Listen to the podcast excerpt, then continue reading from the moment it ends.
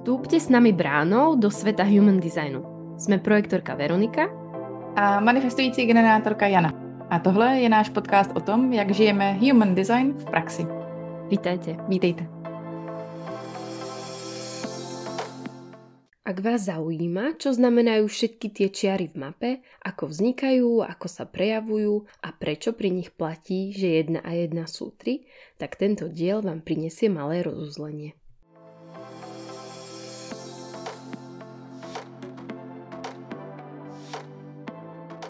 Vítejte u dalšího dílu našeho podcastu. Tentokrát se podíváme na dráhy a na splity.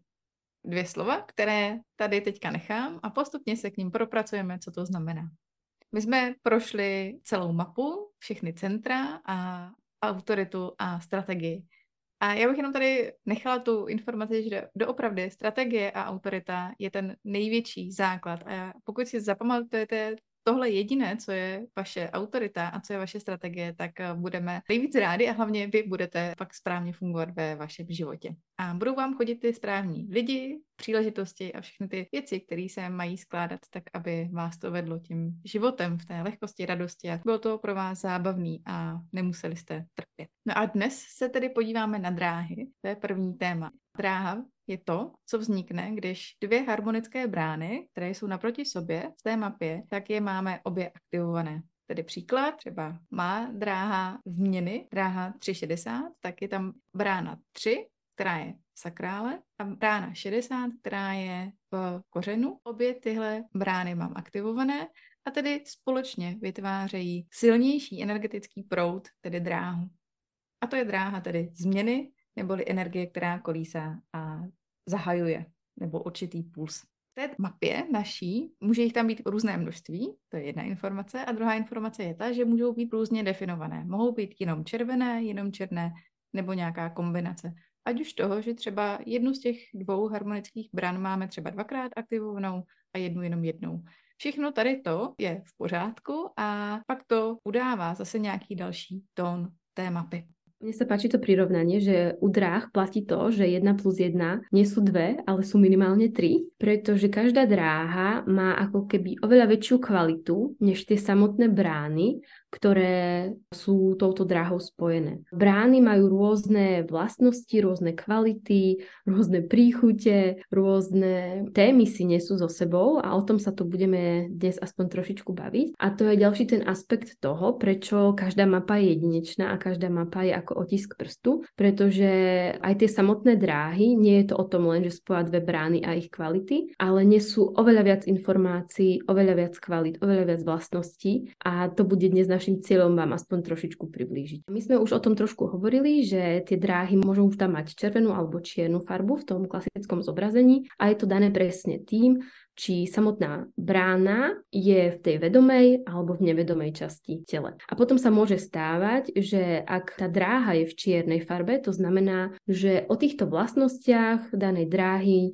máte nejaké povedomie že ste si toho vedomí, týchto svojich kvalít, alebo že aj bez toho, aby si z toho boli vedomí, to proste nejak dávate do toho sveta. Kdežto, ak je tam tá kombinácia červeno-čiernej alebo čisto červenej dráhy, tak vtedy sú to nejaké vlastnosti vašej kvality, ktoré si úplne nemusíte uvedomovať. Oni sa prejavujú tak či tak, ale nemusí tam byť ten proces toho, že vy ste si toho vedomí a môže sa práve stávať, že skôr to okolie si to na vás všíma, že to sú tie vaše kvality, ktoré vy často si ani nemusíte uvedomovať, že ich máte. Hm. A tady mě to zase vede k tomu, že když jsou jenom červené nebo kombinace červená a černá, jak říkala Veru, tak to znamená, že jsou v tom těle uložené. To znamená, že čím víc jsme propojení s tím tělem, tak tím víc eh, tady ta kvalita z nás doopravdy může vystupovat. Protože my do toho nevstupujeme tím mentálním procesem, ale naopak necháváme to tělo, aby promlouvalo a aby přinášelo tady tu kvalitu na svět, aniž bychom to nějak manipulovali nebo nějakým způsobem se o to zasazovali. Proč se to děje? My sme to už niekoľkokrát spomínali, ale podľa mňa je fajn si to pripomínať, že ak si žijeme tú našu stratégiu a autoritu, tak kvality všetkých brán aj dráh, ktoré máme v mape, sa prejavujú automaticky. Že nie je potreba si to študovať a vedieť o tom, ktorá brána nesie aké kvality, z akého je okruhu, ale všetko sa prejaví prirodzene v ten správny čas, takže zase vás len odkazujeme na 7. diel autorita a je dôležité snažiť sa vlastne naciťovať sa na tú svoju autoritu a vnímať to svoje telo, lebo telo vie. Přesně tak. Tak já bych se teďka Veru zeptala tebe, jestli vybereš nějakou z tvých drah, které máš v těle. Ja mám všetky vlastne v tele a nemám ani jednu vedomú, ale je pravda, že postupom času, čím dlhšie som v human designe a snažím sa riadiť svojou stratégiou a autoritou, tak si nejak zvedomujem tie kvality tých dráh aj tým, že tie informácie mám a že si to študujem. Musím povedať, že pre mňa ako keby tak najviac uchopiteľná intelektuálne, mentálne, prvýkrát pri prvých nejakých mojich rozboroch a prvom štúdiu bola moja dráha 5818 soudu alebo nenasytnosti a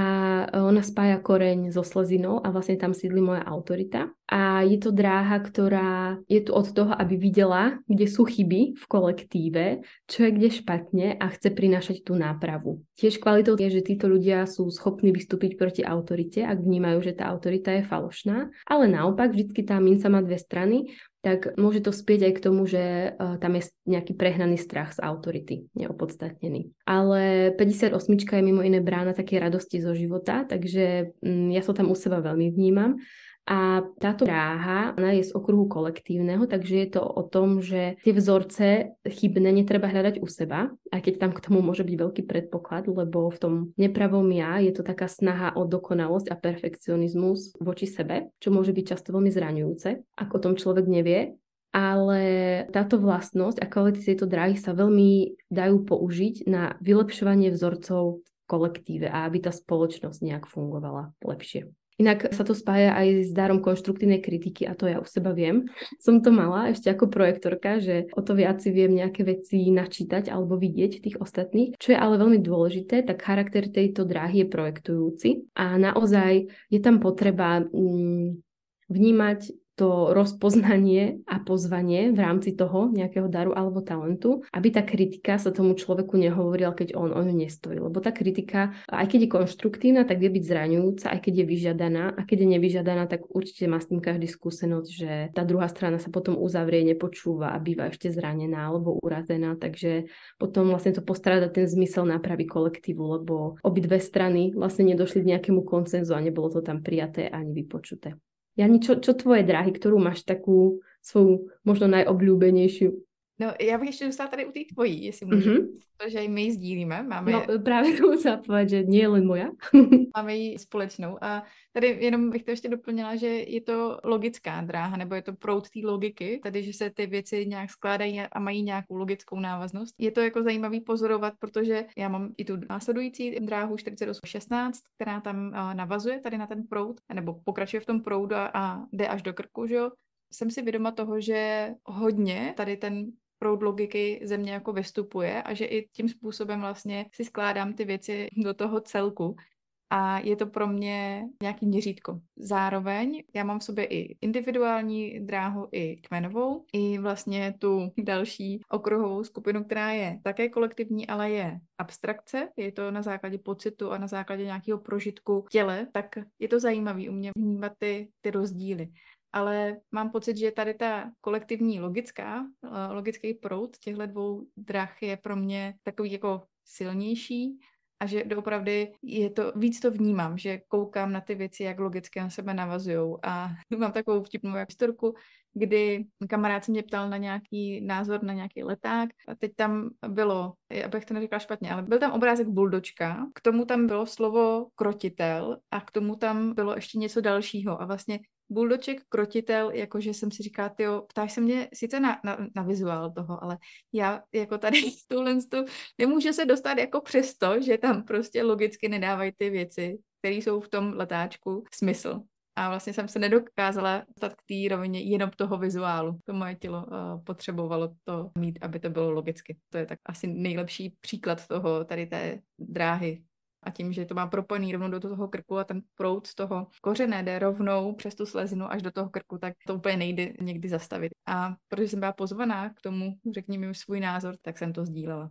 Možno by sme mohli spomenúť, aké máme tie okruhové skupiny, pretože už sme to trošku načali. Takže tie brány sú v, rôznych okruhoch, ktoré si nesú ďalšie rôzne kvality a vlastnosti. Dôležitou kvalitou sú určite okruhové skupiny, pretože to je nejaký spôsob, akým sa my potom prejavujeme, k čomu inklinujeme. A máme kolektívnu okruhovú skupinu, ktorá sa delí ešte na tú logickú, to sme práve o tom sa teraz bavili. A táto okruhová skupina logická je zameraná na to, aby hľadala tie chyby vo vzorcoch, aby vlastne nasávala tie informácie zvonku, nejak to štrukturovala logicky a potom prichádzala na to, čo vylepšiť, čo by mohlo fungovať a zase ako keby do toho budúcna sa snažila nájsť to, čo pre ten kolektív by sa dalo vylepšiť, aby to mohlo lepšie fungovať, aby nám v tom bolo dobre. Kdežto okruh pocitov, abstrakce, je zase o tom, že zažívam si nejaké veci, v danom momente ich nehodnotím, len to príjmam, ako to je. Je to vlastne cez tie pocity, cez tú skúsenosť a potom až spätne, keď sa tá skúsenosť udeje,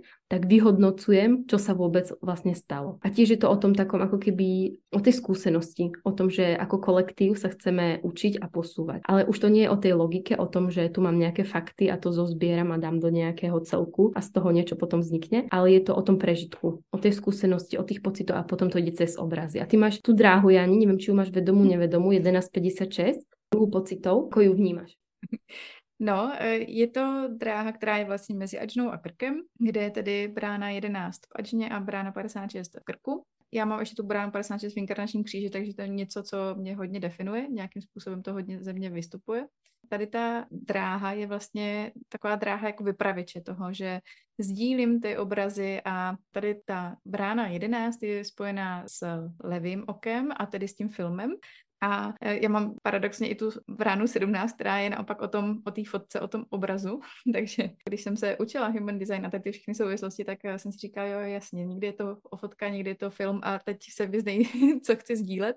Ale právě tím, že mám i tady tu dráhu vědomě a myslím si, že i 56 mám víckrát aktivovanou, tak to vnímám, že jsem ten vypravěč, že sdílím ty příběhy a přináším je na ten svět a vlastně nechávám je žít tím životem, aby ty druzí si z toho vzali to, co potřebují. Že tam není nic konkrétního, ale je to o tom prožitku, který tam je zachycený nějakým způsobem, předaný. Ještě je zajímavý, že vlastně tady z té brány 56, která je v krku, tak ona se projevuje slovy já věřím. A když mě znáte, tak já tady to velmi používám a fakt to je o tom, že cítím, že věřím něčemu, že se stane nebo že se nestane takže velmi tuhle dráhu vnímám. Někdy jsem si říkala, že jsem za ní vlastně trošku jako, že taková ta ukecaná, jo. učitelská uh, dráha, ale je to vědomí a je to moje, no, takže to jsem já. Kvůli tomu i podcast, jo. Práve ja som chcela povedať, že podľa mňa naši posluchači už veľmi vedia rozlíšiť, že ktorá kvalita ku komu patrí a ako sa kto vyjadruje, prejavuje. A Jani, ešte sme to možno, ja som to nespomenula, že každá tá nejaká okruhová skupina si nesie takéto nejaké pomenovanie alebo to, ako sa chce prejavovať a ten kolektív je teda hlavne o tom zdieľaní že chce zdieľať tie svoje skúsenosti a zdieľať tie svoje vzorce do budúcna, ktoré sú vylepšené. A kolektív sa vyznačuje ešte tým, že to je vlastne nejaká masa anonimných ľudí. Nie je to kmeň, niekto známy, kto je okolo nás, tá naša rodina, ten kmeň. Nie je to individuálne, ja ako individualita, ale kolektív je fakt zameraný na tú širokú spoločnosť, na tú nekonkrétnu formu tej spoločnosti. Nie je tam nikto konkrétny, s kým chcem zdieľať, viem, že to chcem zdieľať s tou společnosťou a už je to jedno, či moje názory alebo presne tie predstavy, pocity, skúsenosti. Přesně tak. A tady jenom ještě doplním k té mojí dráze vypravěč, nejmenuje, ale říká se jí tak. Tady ta je taky projektující, takže, tak jak říkala Veru, u té její dráhy 5818, nebo u té, u té naší společné, která je taky projektující, takže i, i já vlastně to sdílení někdy použiju protože cítím, že jsem pozvaná do toho a někdy ne, protože by to byla zbytečná ztráta mojí energie. A je to vždycky o té interakci s tím, kdo stojí před vámi. Áno, potom tu máme ešte individuálnu okruhovú skupinu, ktorú sme už trošku pomenuli. A ja z tejto individuálnej okruhovej skupiny eh, mám dráhu 10-20. Je to dráha prebudzania sa alebo zavezovania sa k vyšším princípom. Pre mňa to naozaj bola taká abstraktná vec, keď uh, som sa o tom dozvedela, ako prvotné tie informácie boli, no čo to znamená, ako to, ako ja môžem vôbec žiť. A teraz, po dvoch rokoch, musím povedať, alebo troch, že túto dráhu úplne milujem a že je to presne o tom, že sa zavezujem tým vyšším princípom a ona je veľmi spojená aj s byť tu a teraz, takže s prítomným okamihom a tiež s chovaním. Ja mám desiatku aj v inkarnačnom kríži, takže ja som e, citlivá aj na chovanie ostatných ľudí, veľmi si to všímam, ako sa kto chová. A je spojená aj e, so seba láskou, pretože desiatka je mimo iné brána lásky k sebe. A ja to teraz s odstupom času, ako ťažko sa mi to veľmi dáva do slov, ale s odstupom času čoraz viac vnímam kvality tejto mojej individuálnej dráhy a vnímam, že aj napriek tomu, že ostatné dve dráhy, ktoré mám, sú kolektívne a logické, takže táto dráha to ako keby trošku valcuje čo sa týka takého môjho prežívania teraz a celkovo kam to nejak so mnou smeruje, tak vnímam, že kvality tejto dráhy uh, prekonávajú kvality tých dráh. Ale to je akože moje subjektívne vnímanie toho. A k tej individualite tam sú tiež dva okruhy. Jeden je okruh vedenia a druhý okruh vystredenia, ale o individualite možno len dôležité povedať to, že to, to je fakt kvalita, ktorá je zameraná sama na seba je veľmi spojená s kreativitou a funguje v púzoch.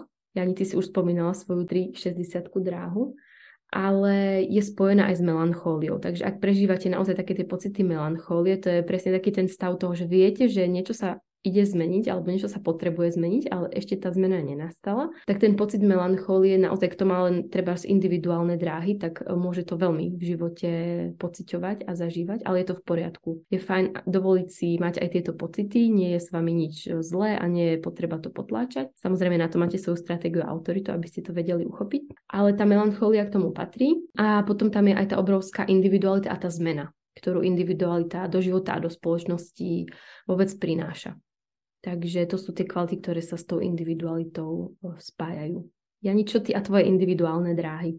Tak já mám tu 360, to je vlastně jediná, která je individuální a je tam taky moje autorita, takže je to velmi silný a já to mám i dvakrát aktivovaný. Celou tu dráhu mám jak vědomou, tak nevědomou, takže o to je to silnější. No myslím si, že máma by mohla vyprávět, protože tady u té individuality a obzvlášť u tady té dráhy, kterou mám já, u té 360, protože to formátová dráha, tak ona doopravdy Prostě když přijde ten impuls k tomu, že se zapne ta její kvalita, že se ten nějaký chaos, který vznikl, se uspořádá do něčeho nového, tak tam je tolik energie, že doopravdy všechno se přeskládá a je to generující dráha, tedy je tam ta energie k tomu budovat, k tomu něco dělat a nějakým způsobem to dát do toho světa. Tedy u mě je to velká síla toho a jsem si vědoma toho teď i čím víc s tím žiju a nějak si to zvědomuju, takže opravdu ten individuální okruh je velmi silný a když prostě přijde ta energie, tak nikdo a nic z nás nezastaví. A pokud máte svoje děti, kteří mají převahu individuality v té mapě,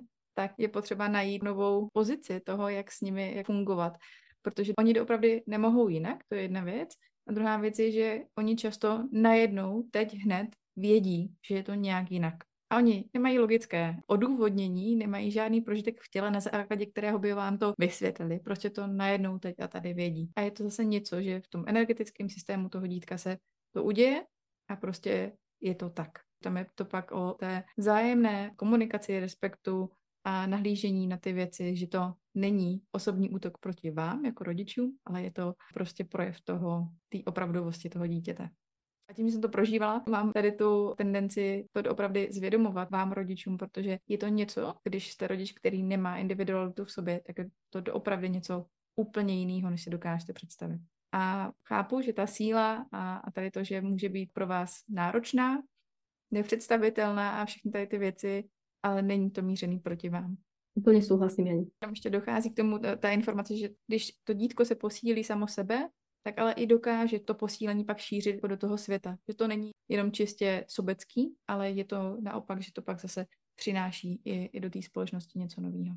Áno, to som práve chcela, že individualita sa spája s tým pojmom posílení, ale ak sa to deje v tom pravom ja, v tom súlade, tak to posílenie nie len tej individuality, ale potom vlastne všetkých ľudí, ktorí sú tam okolo. A s individualitou sa spája aj integračné pole. To je taká e, špeciálna skupina brán a dráh. Na začiatku, keď Rá ešte len začal učiť human design, tak to bola jedna veľká komplexná dráha, ale teraz už o tom hovoríme ako o štyroch dráhach, ktoré tam vytvárajú integračné pole. A tuto konkrétne aj spomeniem, lebo mi príde fajn to vedieť a to sú brány 57 v slezine, 34 v sakrále, 10 v G-centre a 20 v krku. A oni sú rôzne prekombinované, rôzne pospájané. Integračné pole je taká veľmi stará kvalita, ktorá je v nás a potrebuje sa práve integrovať. A je to to, vďaka čomu sme prežili Tým, že je to v slezine a spája sa to s našimi inštinktami, intuíciou, obrovskou silou sakrále, tak je to naozaj o tej sile a o tom intuitívnom, inštinktívnom našom starom zdedenom nejakom pocite a schopnosti prežiť za každých okolností.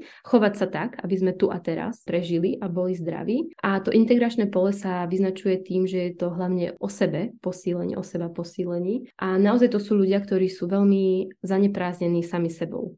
Môže to vyznieť veľmi občas aj arogantne od tých ľudí alebo tak sebestredne, ale ak sa to presne u nich deje v súlade s ich stratégiou autoritou, tak je to o tom seba posilení a oni to inak nevedia.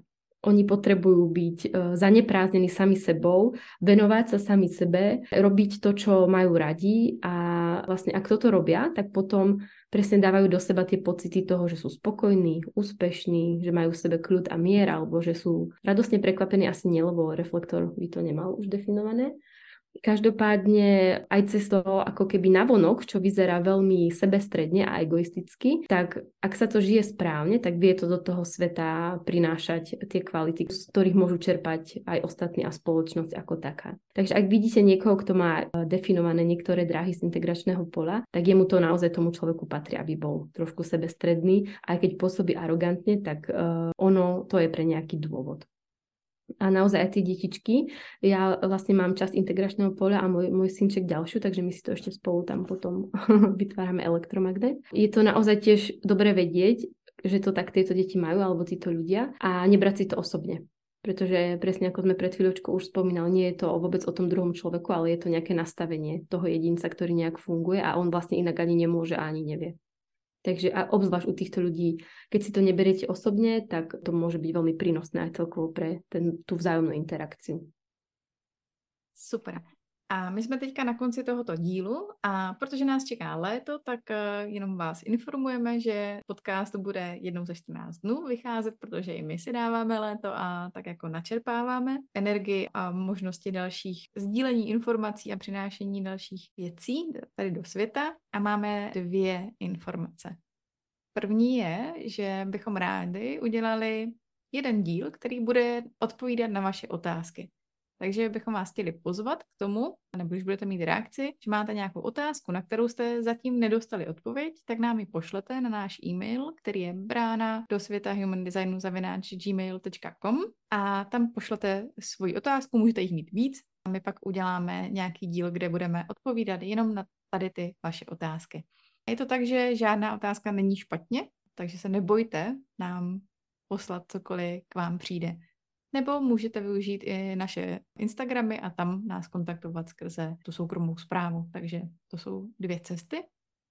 A pak máme takovou podpultovku. Chystáme na podzim studijní kruh, protože nás oslavili ženy, které by chtěly tyhle informace o human designu vzít do své praxe a používat je ve svých pracech, ve svých individuálních projektech tak jsme tomu řekli ano. Já jsem měla velkou reakci a Veru byla pozvána, takže tohle chystáme. A kdyby mezi vámi byl někdo, koho to láká taky, tak zase na ten e-mail brána do světa human designu zavináč gmail.com nám napište, mám zájem a my se propojíme s vámi a dáme vám vědět. Zatím to je v té fázi, že my stavíme osnovu, všechny ty věci nějakým způsobem dáváme dohromady, ale protože víme, že každý máme tu rozhodovací autoritu jinak dlouhou, tak vás takhle informujeme dříve.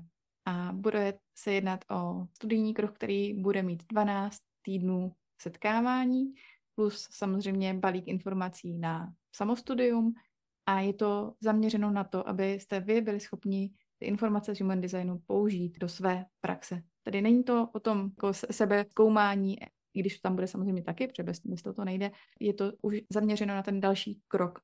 Sebe znám, a teď to chci použít do té praxe. Děkujeme za poslech a těšíme se na další setkání.